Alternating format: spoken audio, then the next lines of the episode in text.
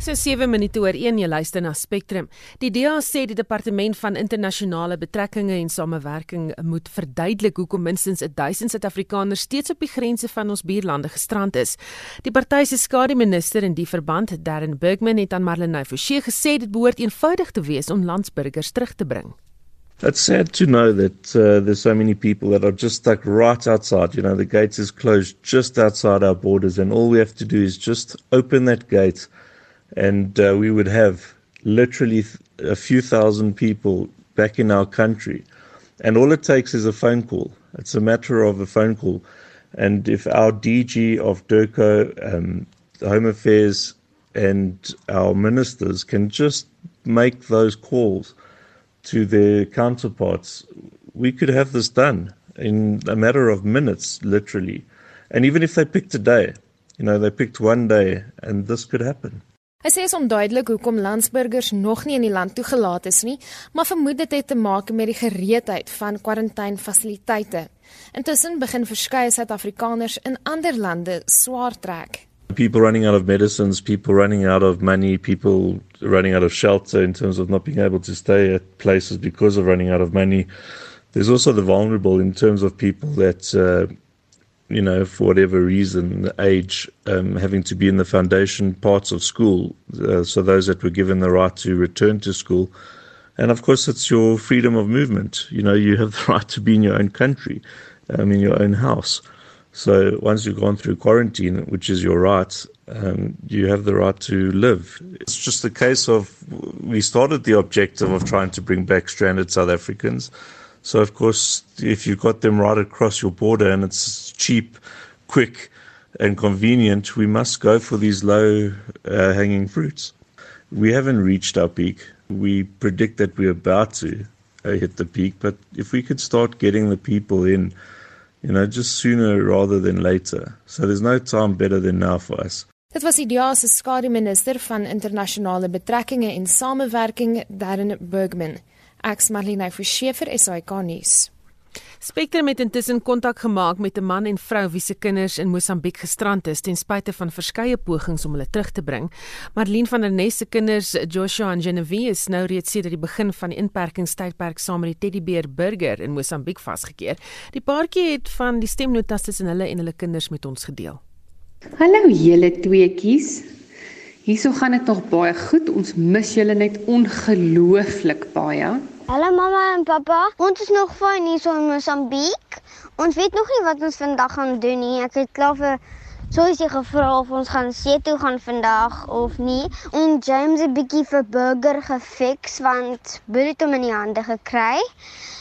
En sy oortjie het gebreek en Tenesie was oop, maar nou het ons vir hom 'n knoopie neusie gegee. Gina, ek is baie bly Burger het 'n nuwe neusie. Hy lyk te pragtig. Gina Pina, ek sien vir Burger lyk baie mooi en ek hoop julle gaan strand toe vandag en ek wens ek kon jou gejoin het Gina om huisie te bou. Maar weet dit ek daar so saam met julle is die hele tyd in my gedagtes. Hallo mamma en pappa, dis Joshua wat praat. Ek wil huis toe gaan want ek wil nie begin dom word nie en ek wil net skool toe gaan. Ek loop nou oor 'n lekker groot slangspoor En gister het was um het ek 'n slang gesien en ek dink dit was een of ander groen slang. Dit was tussen 'n uh, speckled bush snake, 'n uh, groen mamba of 'n uh, nice nog groen slang. Joshie, jy gaan nie dom word nie, hoor al die slange en al die goed wat jy geleer het. Jy leer baie meer as enige ander kind kon geleer het. Ons mis julle verskriklik. Mamma werk hard aan al die goeters wat moet gebeur, maar ek dink julle gaan een van die dae terug wees by die huis, hoor. Ons doen alles wat ons kan in die kant om julle oor die grens te kry weer. Nou so klink dit wanneer gesinne oor landgrense met mekaar kommunikeer en eh uh, Marlene sluit nou by ons aan. Goeiemôre Marlene. Hallo Susan, hoe gaan dit daar? Dit gaan goed met my, maar hoe voel 'n moeder hart as sy hierdie stemnotas weer hoor? Weet jy gebreek, absoluut gebreek. Marlene, hoe oud is jou kinders? Genevieve is 7 en Joshua is 11. Wat het gebeur? Hoekom is hulle daai kant en jy hierdie kant? Weet jy Mosambiek is vir ons soos 'n tweede huis. Ons het 'n plekkie daar en ons vat gereeld ons kinders soontoe want my man se ouers bly daar. So, ehm um, dit is nie vir ons net 'n algemene ding nie. Ons gaan gereeld soontoe. Nou, julle het julle kinders so wat 2 maande terug gesien. Jy weet, hoe voel jy? Ek graag terug hê en ek soek antwoorde hoekom ek hulle nie kan terugkry. Enige redes aan jou verskaf hoekom dit eh, sloer hoekom hulle nie kan oorkom oor die grens nie? Weet jy die enigste antwoorde wat ons wel kry is dat daar geen kwarantainfasiliteite beskikbaar is nie. Ehm um, andersins kry ons geen terugvoer van enige iemand af nie. En uh, behalwe die stemnotas is of is dit die enigste manier hoe jy met die kinders kommunikeer? Weet jy die kommunikasie van hulle is baie swak. So hulle ry na 'n belbel toe en ons kry 'n paar voice notes een keer of twee keer 'n week en ons kry 'n fotootjie op so. So jy kan nie eens elke dag praat nie. Glad nie. En uh jy sê die kommunikasie swak van die departemente se kant af, jy weet, so daar's geen aanduiding van wanneer jy julle kinders weer kan sien nie geen ons kry geen kommunikasie nie en op hierdie stadium is daar honderde mense wat heidaglik gestrand is in Mosambiek. Het julle enige raad aan mense wat in dieselfde bootjie sit? Yes, weet jy, ek is redelik raad op. Ehm um, maar ja, al wat ek kan sê is byt vas, ehm um, druk op die op die knoppies van van Dirkhou van die departement van gesondheid en ek meen ons kry hulp van Afriforum af heidaglik. Ehm um, ja, ons ons is heidaglik ook besig om met 'n paar prokureurs te gesels en dalk 'n aansoek te bring in die hof om hulle te nader vir hulp. En jou kinders self, wat sê hulle? Jy weet, hoe voel hulle hieroor? Weet jy, ons probeer die kinders baie kalm hou. So ons is altyd baie positief as ons skakel, ehm um, nooit negatief nie. Ehm um, jy kan definitief hoor hulle mis die huis. Hulle mis hulle diere, hulle mis hulle honde. Ehm um, en hulle wil graag terug skool toe gaan. Hmm. Baie dankie. Dit was Marlene van der Nest. Haar kinders, onderskeidelik 11 en 7 jaar oud, is nou al meer as 2 maande lank in Mosambiek gestrand en uh, hulle kry geen inligting oor hoe om hulle terug te kry in Suid-Afrika nie. Die Rode Holte toets kan trots uitbrekings van COVID-19 vroegtydig bespeer word en die owerhede kan dan vinnig optree om die uitbreking in 'n gebied te stop of te beperk. Dr Anthony Turton van die Universiteit van die Vrystaat se Sentrum vir Omgewingsbestuur sê COVID-19 kan in Riool opgespoor word. This is not a research program, this is an actual factual situation. The Dutch uh, Research Institute known as KWR developed a methodology that is capable of detecting minute traces of virus in sewage and then uh, from that extrapolating up the total viral load in the receiving uh, catchment.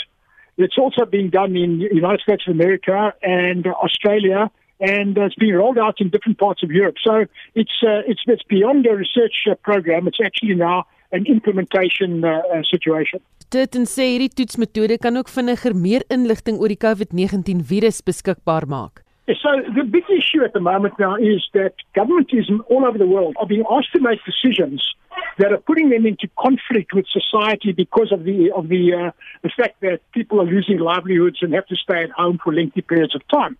Now, the missing piece of information is what is the total viral load in society.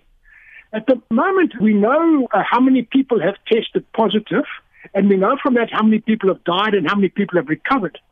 But we don't know anywhere in the world what the total viral load in society is simply because the only people being tested are those that have got symptoms to the extent that they have to go to hospital or go to a doctor and, and then get tested. The asymptomatic people from uh, work done in New York State suggest around about 15% of the population might be positive but asymptomatic. So there's that asymptomatic part that we don't know about. And this is the valuable thing now because – In South Africa, they're talking about known hotspots, mostly the, uh, the, the urban areas, the big cities. So within those cities, which specific parts are hotter, which specific parts are colder? Can you selectively open an economy? What information do you need to do that? Or if you have a hotspot emerging, what do you need to do to mobilize your emergency uh, personnel in, to anticipate that in a week or 10 days from now, you're going to be inundated by people? So all of this is possible by testing the sewage because sewage gives you a, an aggregated value of a total society in a known catchment area and that's the value of this information. Dit sê die metode kan die stryd teen COVID-19 baie help. Yeah, this does not require testing kits. So the, the testing kit question is very interesting because at the moment, government, with the best of intentions and at very great cost, is rolling people out into areas to go and test the population at large. Now, even a sophisticated economy like the United States and Great Britain, which are very advanced economies, are unable to do the, the level of testing required. They will never get to, to even close to 50% of the population tested. At the moment, they're less than 10% of the population tested. So, at the moment, what drives the decision to send a crew into a specific area to uh, uh, use a lot of expensive resources to go and almost sort of fish around to see what you can find? What is far better to do is to take the sewage load of that area and say, right, this area here has got a heavier load than that area there. It could be a certain province, it could be a whatever, a certain town or whatever. This has got a higher load than that one. And because you're testing on a regular basis, let's say we test every Friday or every whatever it is, uh, and the load this week, this Friday, compared to last Friday load is growing or the load this week is uh, compared to last week is decreasing. You can now say that we, uh, with a high accuracy, that we now need to deploy those people doing the individual testing into this particular area, and we can we withdraw them from another area. So the methodology is very useful if used properly, and it's not a question of either one or the other. None are better than the other. Dit verduidelik hoe die toetsproses sal werk because the current COVID virus is fairly unknown, it's a fairly new phenomenon, but it is a mutation of a virus that has been well known and well studied for many years. The SARS and the MERS virus, it's the same family of viruses. So a lot of work has been done on that. And what they found is that patients that carry virus engage in what is known as viral shedding. And the viral shedding is basically the loss of virus through waste, through urine and feces, and this reports now into a sewage works. Uh, they found, for example, that patients can be shedding virus for many, many days, even weeks after they are no longer symptomatic, okay? En dit was Dr Anthony Turton van Universiteit van die Vrystaat se Sentrum vir Omgewingsbestuur. Huishoudings spandeer nou bykans 30% meer op voedsel as wat hulle gedoen het voordat die staat van inperking begin het. Dis die jongste bevindinge van die Pietermaritzburg Economic Justice and Dignity Groep. Die programkoördineerder van die groep, Mervin Abrams, sê daar's twee redes hoekom mense nou meer geld spandeer aan hulle huishoudings. Die prys van ons voedselmandjie van die begin van Maart tot nou die begin van Mei het gestyg met omtrent R250 of 7.8% van R3221 tot R3470. Ons het gesien dat die stygings van hierdie voedsel het oor baie baie voedsel het uiteindelik gestyg, maar ook veral met die groente. So ons het gesien byvoorbeeld rys het gestyg met 26% van R87 in Maart tot R109 in Mei. Ons het ook gesien dat suiker byvoorbeeld wit suiker het gestyg van R145 in Maart tot R153 in Mei. As ons kyk byvoorbeeld aan die groente, dan sal ons sien dat eie het gestyg van R55 vir 10 kg tot R87 vir 10 kg. En so het dit reg deur die, die voedselmandjie pryse gestyg. Ons kan ook sê byvoorbeeld dat olie het gestyg met 11% en dat aardappels gestyg het met 8% en so voort. Nou dit is 'n baie groot styging vir mense wat 'n lae inkomste het. Maak die maatskaplike toelaag wat hulle ontvang 'n verskil? Staat het nou die ouderdomspensioen gestyg met R250, dan sal ons sien dat daar die stygings in die pensioen was nog geabsorbeer deur hierdie voedselstygings. So dit is baie kommerwekkend. Maar wat ons ook dan sien is omdat ons nou in 'n lockdown is, die kos word opgehouer. So vrouens vertel ons in die verlede het hulle mandjie kos gehou vir omtrent iets soos 3 weke en dan die laaste week het maar skaars gegaan. Nou hou daar dieselfde mandjie van kos vir slegs 2 weke. En dit is omdat al die kinders is by die huis is, dat baie mense wat nie werk nie of hulle werk net een dag of hulle werk twee dae en hulle is ook by die huis en dit wil sê baie meer voedsel moet gekoop word.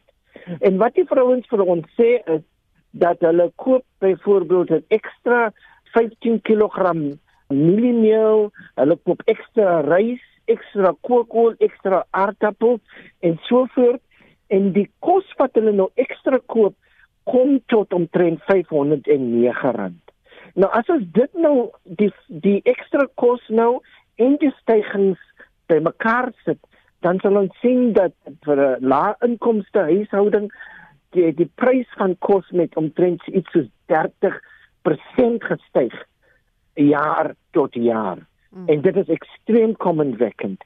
So waar kry hierdie mense dan geld om hierdie kos te koop as hulle meer uh, geld moet spandeer? Dan sê hulle baie van hulle moet nou gaan geld leen by money lenders. Wat dit beteken nou is hulle leen geld by die money lenders maar as so gou hulle 'n toelaag kry of 'n pensioen kry, moet hulle natuurlik eers vir die money lenders betaal.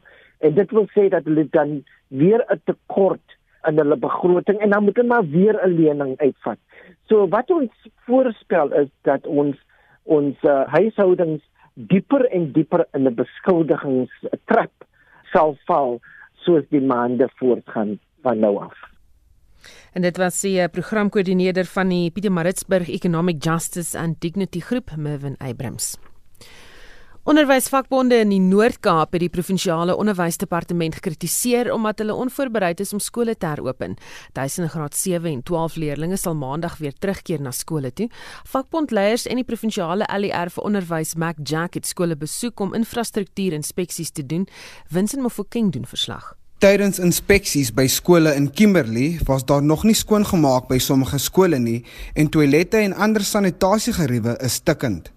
Skoolbanke is nie ingerig om aan sosiale afstand vereistes te voldoen nie en daar is ook te min waterstasies beskikbaar. Die provinsiale sekretaris van die Suid-Afrikaanse Demokratiese Onderwysunie, Palesa Ngumashe, waarsku dat die lewens van onderwysers en leerders nie in gevaar gestel moet word net om aan die sperdatum vir die heropening van skole te voldoen nie. Until we are satisfied that as and when teachers come to workplaces they will be ready everything in terms of precautionary measures will be in place we will advise them to stay at home because we are saying schools cannot be open by hook or crook Die Suid-Afrikaanse Onderwysunie se provinsiale sekretaris, Henk Brand, stem saam. Ons is bekommerd dat dit nie maandag kan gebeur nie omdat al die skole nie gereed gaan wees nie. Ons kan nie staan dat sommige skole oop en ander kan nie oop nie. Vir soveel ons wil hê dit moet oop, kan ons nie laat dit oopmaak tot nadeel van die kinders en van die onderwysers. Die provinsiale LER van onderwys, Mac Jack, is vol vertroue dat skole teen Maandag aan die nodige gesondheids- en veiligheidsvereistes sal voldoen. At some point, we must bite the bullet. At some point, we must make sacrifices. We don't wish to get teachers and kids and everyone else infected. But the reality is, we are getting ourselves ready on the ground, we are getting our kids to come back to school, and we are getting our teachers to be here in a safe environment. Die onderwysvakbonde sê die infrastruktuur van 91 skole wat in die provinsie gevandaliseer is, moet nog herstel word. Die verslag deur Neo Bodumela in Kimberley. Ek is Vincent Mofokeng vir SAI Garnis. Die Voorpos Dierewelsynsorganisasie het 'n nuwe baba orang-outang by sy Forest School op die eiland Borreo ingeneem. MJ Lawrence, woordvoerder van die organisasie, sê die dier se eienaar het vermoedelik gevrees dat hy met die koronavirus aangesteek kan word en het daarom besluit om van die dier ontslae te raak. Die orang-outang baba is toegebind in 'n sak wat vasgebind was aan 'n motorfiets. Die man het by 'n volstasie gestop en die volstasie eienaar het beweging binne hierdie sak gesien. Uiteindelik kon die man oortuig word om die baba aan die volstasie eienaar te oorhandig. Wetend dat dit onwettig is om hierdie diere as troetels aan te hou, het die volstasie eienaar die owerhede in kennis gestel en die dier is afgeneem. Lauren sê die onwettige handel van ape in die land beloop miljoene dollar per jaar en dat die onwettige handel van orang-outangs floreer met sowat 150 van die babas wat jaarliks in Asië verkoop word. In die afgelope 100 jaar het die Borneaanse orang-outang bevolking met byna 60% afgeneem, grootliks te danke aan onwettige handel, ontbossing en dan natuurlik omdat hierdie diere teen 'n baie stadige tempo aanteel, sowat 300 miljoen bome is al sedert 1994 in die woude hier afgekap vir kommersiële doeleindes.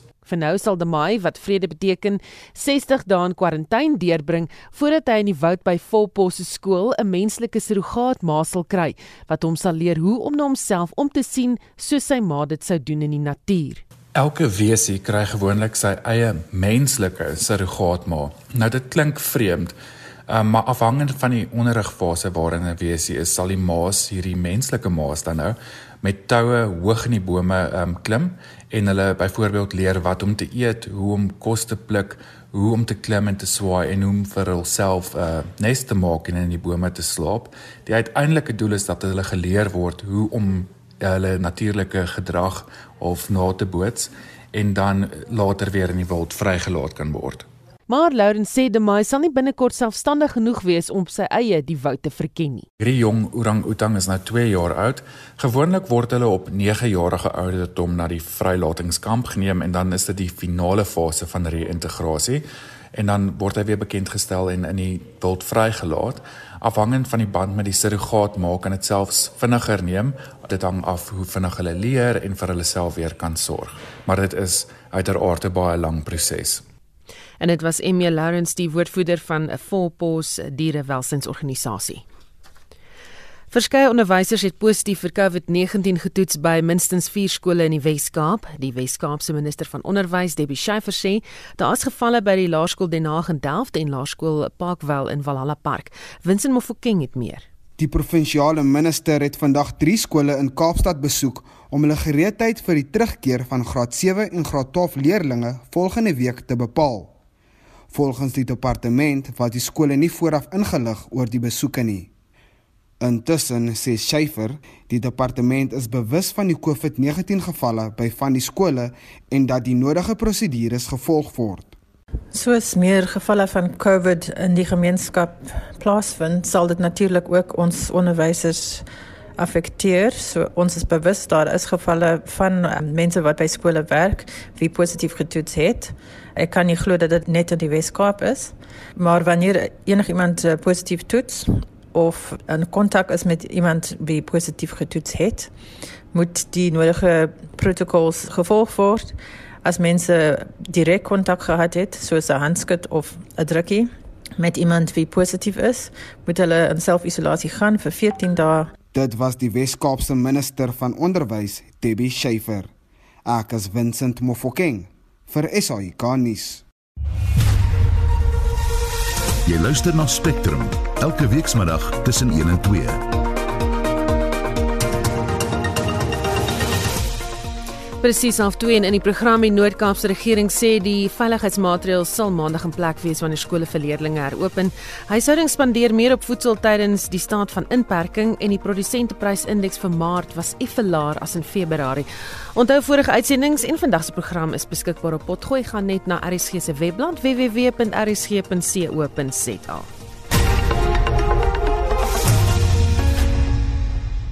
In RSG Landbou gesels ons met uitvoerende hoof van die Landbou Sakekamer Agbus, Dr John Purchase. Die besef van hoe belangrik landbou is, het geweldig sterk deurgekom. So Suid-Afrikaanse landbou verdien 'n absolute groot pluspunt. Maar ons voorsien as al die uitvoer en alles werk soos wat dit nou lyk, dit gaan werk, dan voorsien ons eintlik 'n 10% groei vir landbou in 2020. Nie teenstaande die moeilikheid wat ons het nie. Saterdagoggend, kwart voor 12 saam met my, Eloise Pretorius. Daar is geen verkeer.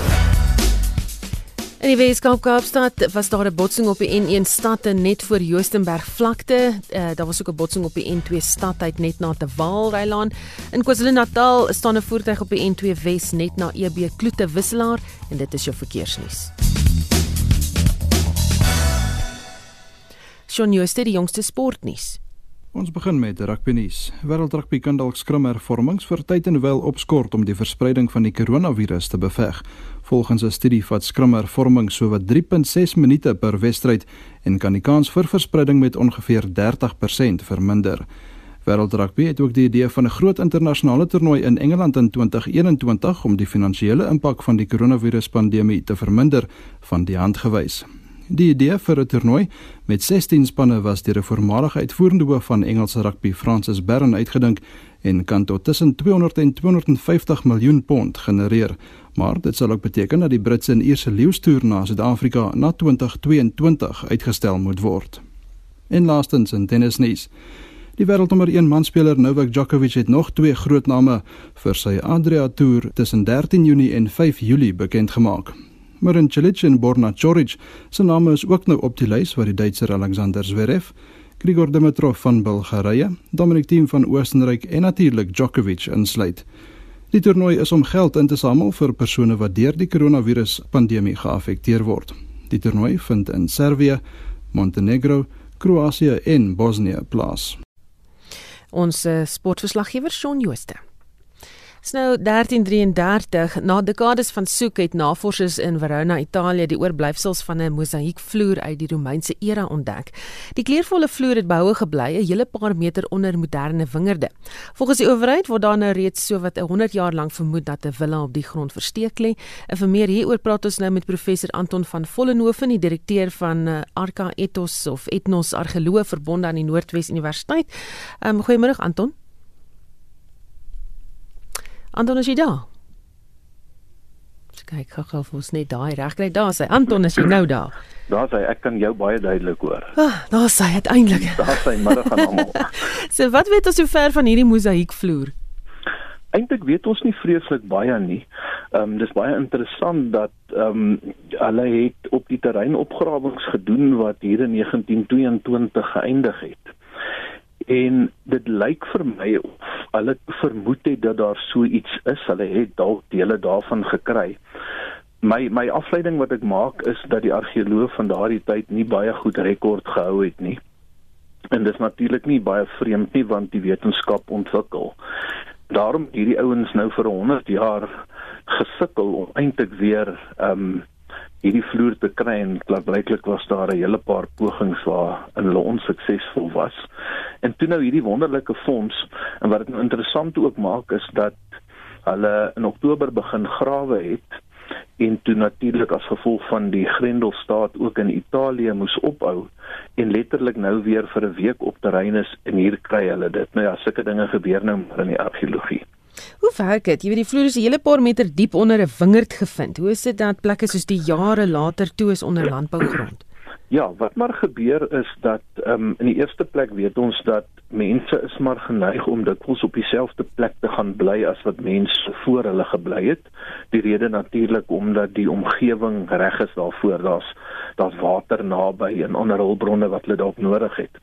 En ons weet as 'n mens nou kyk na veral in Egipte en in Israel, dat ons van die sogenaamde tels nou 'n tel is eintlik 'n mensgemaakte heuwel en die rede wat wat daar gebeur is die die die een groep kom in hulle verower die groep wat tans daar bly brand die hele plek af maar bou dan eintlik op die puin van dit wat daar was die nuwe stad en so aan en so aan en so aan sodat ehm um, vandag daar dan nou hierdie hierdie heuweltjie is nou hier het waarskynlik iets soortgelyks gebeur Dit kan ook wees dat dit natuurlike omstandighede is. Ons weet natuurlik Italië is 'n land waar daar um, vulkaniese werking is, so daar kon vulkaniese werking gewees het. Dit kan bloot wees dat ehm um, nadat die die gebou of geboue dan nou afgebreek is, uh die reën en die wind verskillende laaggrond ehm um, deur die jare daaroor um, neergelê het en uh, daarom en nadat dit in die vergetelheid geraak.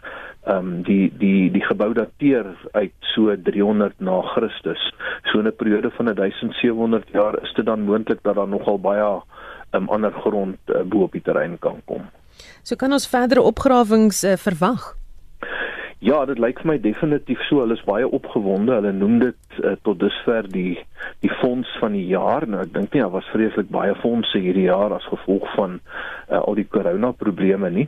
En hulle wil nou verder grawe ten eerste om te bepaal is dit 'n enkele gebou in hierdie stadium vermoed hulle dat dit 'n uh, groot villa kon gewees het, met ander woorde 'n huis van iemand. Ehm um, maar dit is dan ook moontlik dat dit deel van 'n groter van 'n stad of 'n dorp kon gewees het. So die uitbrei van die opgrawing sal nou vir hulle daardie antwoorde gee en hulle definitief aangedui dat hulle verder daarna wil kyk. Wat is die waarde van so 'n fonds? Die waarde is maar maar altyd 'n moeilike ding om om om oor te praat voor 'n mens nie genoeg inligting het nie. Indien hierdie nou 'n uh, 'n dorpie is waarvan daar glad nie kennis is nie, dan bring dit natuurlik totaal nuwe kennis oor daardie periode ehm um, uh, na ons toe dat ons um, kan weet maar hier was 'n uh, 'n dorpie gewees en wat die rol van hierdie dorpie in antieke uh, Rome kon gewees het. Dis moontlik dat hulle wel geweet het hier is 'n dorpie maar deur nou verdere opgrawings te doen en vas te stel kom ons sê hoe groot die dorp is waaruit hierdie dorp bestaan met ander woorde daar was dalk winkels uh tempels en so meer kan jy die belang van hierdie spesifieke dorp in 'n omgewing bepaal wat dan vir ons help om 'n beter prentjie te kry van hoe die Romeine dan in daardie tyd sou geleef het en hoe hierdie dorp in sou ingeskakel het in byvoorbeeld die ekonomiese netwerke van daardie tyd. Hm, ons sien uit na al die opgrawings wat nou daar gaan plaasvind. Baie dankie, dit was professor Anton van Vollenhoven, die direkteur van Arca Ethnos Argeoloog verbonde aan die Noordwes Universiteit. Die produsenteprysindeks vir Maart 2020 was effe laer as in Februarie vanjaar. Statistiek Suid-Afrika het vroeër die indeks bekend gemaak. 'n Ekonoom van Rebalance Fondsbestuurders, Dr. Chris Harms, sê die ekonomie vertoon baie plat sedert die Grendelstaat begin het. Die PPI in Maart was 3.3% gelyk met die vorige jaar. Uh, dit is laer met amper 'n persent van die 4.5% in Februarie jaar op jaar en vir die maand het hy met 0.1% gestyg teenoor Maart 2020. Dit wys vir ons dat hier die selfs in die produksiekant is die prysstygings maar baie pap. Hoekom is dit? Deur die hele spektrum met die uitsondering van elektrisiteitspryse en water. Is nie die pap, hy groei nie. Met ander woorde, daar is nie oorskot vraag aan die vraagkant nie, so met ander woorde aan die produksiekant gaan jou produsente se pryse ook in dieselfde mate nie veel meer styg nie. Ekonomie is pap, daar gaan nie veel aan nie. Jy weet ons net onthou rentekoerse het ook gedaal in Februarie en Maart wat die definitiewe bydrae gelewer het, maar as ons gaan kyk na voedsel, voedsel het net gestyg met 2.6% per jaar en voedsel het steeds 'n groot bydrae gehad, 7.7% per jaar, maar uh, die ander produkte soos byvoorbeeld petroleumprodukte, chemiese produkte, rubber en ander produkte het net met 2.2% gestyg. So met ander woorde, daai ander sektore het weer 'n bydrae gehad dat die CPI effens laer is as wat hy was in die vorige maand ons moet mekaar maar net in elk geval sê dat as mens na die verskillende sektore kyk is die een wat natuurlik bekommer is dat die jaarlikse stygings in die PPI vir elektrisiteit en water was 15% in Maart en ons vergelyk dit met die 12.1% in Februarie en dat hy het ook 2.2% gestyg maand op maand. Met ander woorde oor tyd as hierdie twee pryse wat uh, natuurlik geadministreer word met tyd en water jy baie sterk gaan styg dan ons kry dat die PPI weer stelselmatig gaan begin te uh, omdraai en hoër beweeg. Ons moet net onthou dat in April maand en in Mei maand het die rand begin om baie te verstewig. Uh ek bedoel ons het in Maart nog gehad 'n rand die oor die R18 oor die R19 op pad R20 toe. Inteendeel, die hoogste punt in Maart was hy by R19.30. Hy verhandel vanmiddag op R17.30. So met ander woorde, mense kan verwag dat in, in April en in Mei daar baie minder druk gaan wees veral op ingevoerde pryse sodat dit die PPI inderwaard inderdaad kan weet laer hou en dit natuurlik sê ook uh, deur na die VPI toe dat ons ook laer inflasie kan kry inteendeel die nuutste neiging is dat inflasie in Suid-Afrika selfs negatief kan begin raak. Petrolprys, waar staan hy? Waartoe gaan hy beweeg? Hierdie stadium is petrol 95 met 116% onderverhaal. Dit beteken die pryse is onderstel om te styg met 116 sent en ek dink die sentrale energiefonds en die minister gaan vandag se pryse gebruik om die aankondiging te doen môre so verwag maar so 116 sent wat ons meer vir petrol gaan betaal aan die begin van die Junie diesel aanbetref lyk dit vir my so 18 sent is ons ook daar onderverhaal en uh, dat daai prys natuurlik dan ook gaan styg kom ons kyk net die rede hoekom luisteraars sal onthou ons het baie sterk dalings gekry in die maande van Maart, April en Mei maand. En dit was natuurlik daai tyd toe die oliepryse hiervan by die 40 dollar aan die begin van die jaar stelselmatig begin daal tot so laag so 23 dollar Brent olie per vat die verlede maand. En dit het veroorsaak dat ons hierdie baie sterk dalings in die petrol en dieselpryse gekry het in oor daardie 3 maande.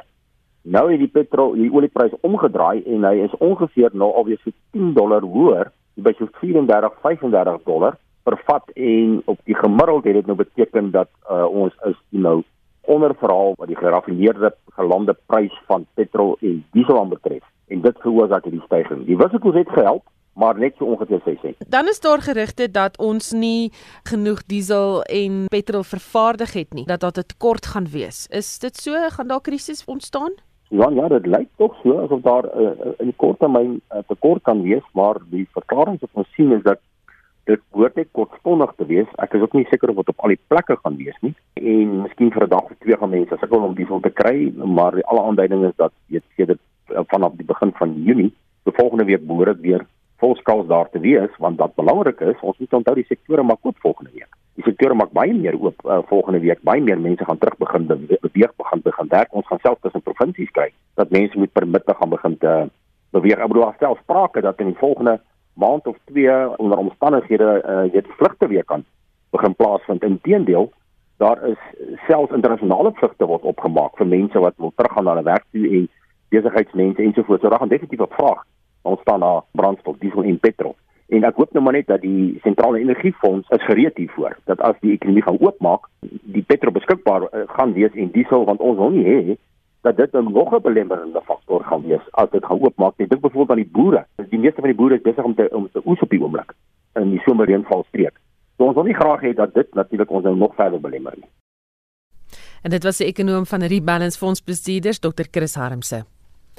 Namibië se minister van Finansies, Ipumbu Shimi, het 'n begroting van 72,8 miljard Namibiese dollar vir die 2020-2021 finansiële jaar in die nasionale vergadering te tafel gelê. Ons medewerker Frikkie Wallis berig. Shimi het dit deurgangs benadruk dat die begroting in een van die mees uitdagende tye nog in die geskiedenis van die land, maar ook van die wêreld ter tafel gelê word. This budget is presented during one of the most challenging times in the global, regional, and domestic economy. It is a budget aimed at enabling Namibia to better fight the spread of the COVID 19 pandemic, support businesses, livelihoods of Namibians during these extraordinary times, and to plant seeds for the future economic recovery. This particularly challenging time brings recollections of invaluable lessons which history taught us that unity of purpose and perseverance are key to success. Die grootste toekenning, 49,5% van die begroting, gaan soos in die vorige boekjaar aan ministeries in die maatskaplike sektor, waaronder gesondheid, basiese onderwys, hoër onderwys, asook die ministerie van geslagsgelykheid en armoedeuitwissing. Die ekonomiese en infrastruktuursektor kry die tweede grootste toekenning, 14,2 miljard dollar, gevolg deur die openbare veiligheidssektor met 13,1 miljard dollar. 4,5 miljard is vir die administratiewe sektor bewillig. Jamie het gesê dat Namibië se skuldlas tot meer as 117 miljard dollar gaan groei, wat 69% is van die bruto binnelandse produk. Dit is 14% meer as verlede jaar. Reaksie op die begroting was relatief positief en baie bestempel dit as 'n ingrypingsbegroting wat ook probeer om ekonomiese herstel in die toekoms te bevorder. Ek is Frikkie Wallis op Swakopmund. Terug na een van ons vorige stories, graad 7 en 12 leerdlinge wat op 1 Junie terugkeer skool toe en gewoonlik vir die skoolvoedingsprogram kwalifiseer, sal ook skoolmaaltye of kospakkies ontvang. Die departement van basiese onderwys het die aankondiging gemaak na verskeie onderwys- en kinderregte organisasies ernstige kommer uitgespreek het oor die staking van die voedingsskema tydens die Grendelstaat. Vincent Mofokeng doen verslag. Ongeveer 9 miljoen leerdlinge ontvang maaltye van die skoolvoedingsprogram en vir sommige kinders is dit al enigste maaltyd vir die dag. Na samesprekings met die departement van basiese onderwys sal leerdlinge weer op bord kos kan kry. Altes die adjunkhoof navorser by Equal Education, Renee McFarlane. It's a great relief that the Department of Basic Education has heeded the call of civil society organizations such as Equal Education, the Equal Education Law Center, and Section 27 to reopen the National School Nutrition Program. Yesterday, the DBE announced that not only will the school nutrition program reopen for learners who will be returning to school on the 1st of June, but also for learners who will remain at home for the foreseeable future. Volgens die departement van basiese onderwys sal die provinsiale onderwysdepartemente verantwoordelik wees vir die verskaffing en aflewering van etes en kospakkies aan leerders. The department didn't provide clear details on how exactly food will be provided to learners who are not yet back at school and has said that provincial education departments will be communicating on the details of implementation in each province. EE will be closely monitoring provincial plans to make sure that learners are able to receive food in a safe manner.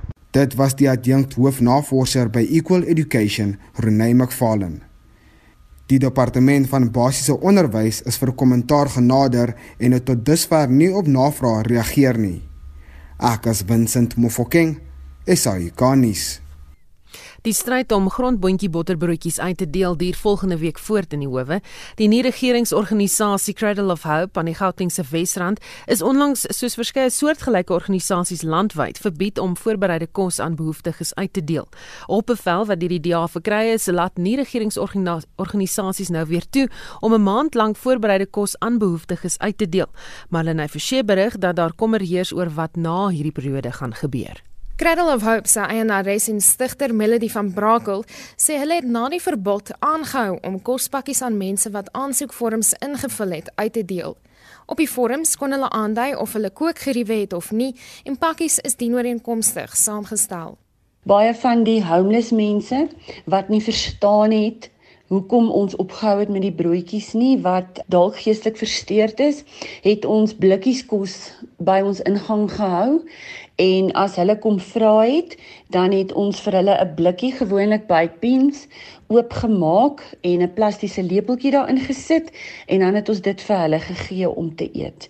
Ons kon hulle nie wegstuur nie. Hulle verstaan nie. Hulle is honger en iewes skielik is hulle kos weg en hulle verstaan nie. So ons het hulle probeer akkommodeer op daardie manier. Die voedselnood in die gebied bly groot. Verlede Vrydag het AfriForum en SAI 'n baie groot uitreik hier by ons kom hou. Hulle het 300 kospakkies gebring. Die woord het baie vinnig versprei. Die 300 kospakkies is toe nou uitgedeel. Dit was nie genoeg nie, maar gelukkig is die Here baie goed vir ons en ons het in ons stoor ingegaan en ons kon nog deur die loop van Vrydag nog so 600 pakkies uitdeel wat uh, mieliemeel was met 'n blikkie kos, met 'n pakkie sop en 'n paar goedjies. Niemand het Vrydag honger huis toe gegaan nie. Elke persoon wat in die ry gestaan het, party het vir tot 3, 4 ure in die ry gestaan, het iets gekry om te eet. Vir nou maak die hofbevel wat deur die DA en die Thousand Women Trust verkry is, 'n groot verskil. Ons gaan nou waarskynlik môre weer begine broodjies uitdeel. Ons moet net al die logistieke bymekaar kry. Al die volonteërs reël, dis nogal 'n storie. Brood bestel, al die dinge doen. Maar dis wonderlik dat die hofbevel Vrydag uitgereik is as gevolg van druk vanaf die DA se kant. Ongelukkig is daardie hofbevel net vir 30 dae geldig. So ons sal aangaan, maar ons is onrustig oor dag 31. Wat gaan dan gebeur? Haar span het intussen gisteraand inligting van hulle regspan ontvang. Ons kan voorlopig aangaan met die uitdeel van kos en die broodjies. Uh, hulle is van mening dat ons dit sonder 'n permit kan doen as gevolg van die hofbevel van Vrydag. So ons gaan nou weer begin daarmee. Ons is nog nie seker van die hofsaak nie. Dit hang nou maar af van wat elke dag gebeur. Vir nou gaan ons voort Ons het ook 'n skrywe van die hofbevel teen die hek opgeplak en almal van die mense wat kos uitdeel wat vir ons rondry en kospakkies uitdeel en kos uitdeel, het 'n kopie daarvan. So hulle gaan definitief um, as daar enige moontlikheid is, gaan hulle dit vir die polisie kan wys en um, dit is afdwingbaar. Dit is 'n hooggeregshofbevel. En met die snerpende koue bied die hofbevel 'n mate van vertroosting. Ons is almal baie baie dankbaar dat ons weer kan broodjies en kos uitdeel. Natuurlik is dit nou verskriklik koud, so dit sal ook vir ons baie lekker wees om 'n paar potte warm sop saam met die broodjies te kan uitdeel. Ons is baie dankbaar en ons sien uit daarna om weer dit te kan doen. Dit was die eienares en stigter van die nie-regeringsorganisasie Cradle of Hope, Melody van Brakel. Ek's Marlene Forsie vir SAK nuus. Suid-Afrika kan die dood van verskeie mense verhoed as hulle die sogenaamde superverspreiders van COVID-19 kan identifiseer. Die sogenaamde superverspreiders is mense wat groot groepe mense op enige gegee tydstip kan aansteek. Professor Alex van Heerden, die voorsitter van die Wits Universiteit se skool vir regeringskunde, maatskaplike veiligheid sê, daar is tans nie 'n ware weerspieëling van die infeksiekoers in die land nie. Van Heerden sê die bottleneck van toetse en uitslae vertroebel die prentjie. If you don't have enough tests and they can't come back fast enough, then you have to have a, a, sort of a really smart strategy to identify clusters and to target people in those areas, the hotspots. So we going forward, we're not going to have the luxury of a lockdown. From a policy perspective, it's a massive luxury to be able to use a lockdown because it's an incredibly expensive policy. So we need to know where to prioritize resources for particular communities and isolate them and focus on them. Van Heerden sê alles moontlik moet nou gedoen word om te keer dat die epidemie duisende mense se dood veroorsaak. Even though there's some possibility of infections, it's the big risk in these epidemics is having one or two people who infect like a hundred. They're what's called the super spreaders. But if you're managing it, even if somebody's positive, they infect far fewer people than would have been the case when you're less cautious. So I think that opening of the economy, which is really necessary with a sort of very cautious and careful approach to managing people in the high risk areas is the, is the right thing to do. En dit was professor Alex van Heerden, die voorsitter van die Wits Universiteit se skool vir regeringskunde maatskaplike veiligheid. COVID-19 brandputte brandpunte eerder is in Kaapstad geïdentifiseer om die verspreiding en uitbreking van die virus te bestuur. Die hoë risikogebiede sluit in Delft, Danoon, Bellville en Khayelitsha. John Estreisen doen verslag. Die burgemeesters komitee lid vir gemeenskapsdienste en gesondheid, Zaid Patrudin, sê gebiede waar die virus kan versprei is geïdentifiseer om moontlike uitbrekings te bestuur. Mfoleni, Gugulethu en die Tygerbergstreek is van die gebiede. Hotspots are areas with established community transmission and a high density of cases.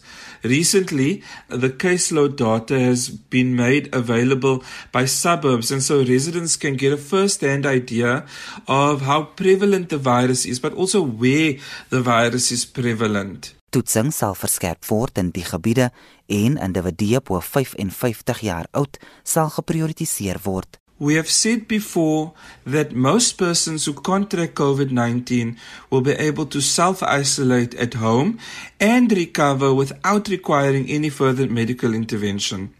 The statistics of persons who have had to be hospitalized and who have succumbed to the virus also indicate that underlying conditions or comorbidities were present. It is for this reason that we are focusing our attention on these vulnerable groups. Inwoners sal ook ingelig word oor die gevare van die virus. But also our awareness and the enforcement efforts in the identified hotspots to turn the tide in these areas. However, it remains everyone's responsibility to be extremely vigilant um, at all times, to self isolate immediately if you show symptoms, and also to follow the health and hygiene protocols that have been in place to prevent uh, the risk of contracting the virus. Patrudin voeg by dat moontlike gevalle en persone wat in kontak was met 'n bevestigde geval opgespoor sal word. We will be actively monitoring the hotspot areas and deploying extra staff to to points of um, congregation in these areas, like our public transport interchanges, um, supermarkets, and also our clinics, both to conduct screening for COVID 19 and also to refer vulnerable individuals for testing. Maar daar is die risiko dat die virus na ander gebiede in Kaapstad kan versprei tydens vlak 3 van die inperking. I do want to also remind the public at large to not let their guard down. While these are the current hotspots, the situation could change and bring other suburbs into the fold. Every person needs to continue doing everything possible to mitigate the risk of infection, particularly as we move towards level 3 of the lockdown and more people uh, return to work. Zaid Patrudin is die burgemeesterskomitee lid vir gemeenskapsdienste en gesondheid in Kaapstad. Ek is Jean Estreisen vir SAICanis. Die mynwerkersvakbond die NEM sê hy wil ook hê dat alle mynwerkers vir COVID-19 getoets moet word. Dit is nog 'n stem in die koor van stemme uit die mynbousektor wat voel dat mynwerkers blootgestel word aan die virus sonder behoorlike gesondheidsveiligheidsmaatreëls. Die president van die NEM, Joseph Monsetsetse, sê die virus gaan onbeheerst onder die werkers versprei sonder daadwerklike optrede deur die mynhuise. In the situation whereby we are experiencing an acceleration of this infection. But uh, at Angogori Ashanti, where we have close to 200 workers that have been infected, it is because they were testing everybody, regardless of whether you have the symptoms or, or what. And then uh, out of 600 workers that were tested, close to 200 were found to be positive because that mine has more than 4,000 workers. It means that all the mines should uh, take the way Angogori has taken to test everybody. Die ministerie van gesondheid het vroeër aangedui dat daar nie genoeg toetse is om almal in die land te kan toets nie. Montsetsi sê dit kan nie as 'n verskoning gebruik word om die lewens van mynwerkers in gevaar te stel nie. There has been time when there was a lockdown and mine houses were given a time to prepare for this pandemic. And preparing for this pandemic is that uh, you must uh, have labs where you can be able to test workers. And in our engagement uh, with the Mineral Council, we said to them, it must not just be an individual man struggling alone. Mine have clusters in their respective areas to contribute to the lab that can be able to test all workers from different mines. And uh, if mines have not done that, it means that they, they were not well prepared. And they will have to stop and make sure that they, they do that. Hy is egter nie van mening dat alle myne gesluit moet word nie. Well, at the present time, the mine that has a higher infection, of course, it must close temporarily, like it has been done in Limpopo. Remember that we have a crisis in Limpopo, at Bals, at uh, uh, Marula, and other mines. We were working together with the provincial government, and those mines were closed uh, temporarily, and uh, everybody was tested, and the sanitation was done, sanitizing was done, and everything was done accordingly. And the return work, work will be done in a very strict way. But I think the most problem is the transport to work because taxis riding everybody to everywhere, and then uh, workers are part of that. So uh, we need to engage with the mines and the taxi associations to make sure that the taxis that are taking mine workers to work are the taxis that are identified and are complying with the regulations. Dit was die president van die NEM Joseph Montisetse. daarmee groet die Spectrum span. Ons waarnemende uitvoerende regisseur Hendrik Martin, die redakteur John Esterhuizen en produksieregisseur Frikkie Wallis. My naam is Susan Paxton. Geniet jou middag.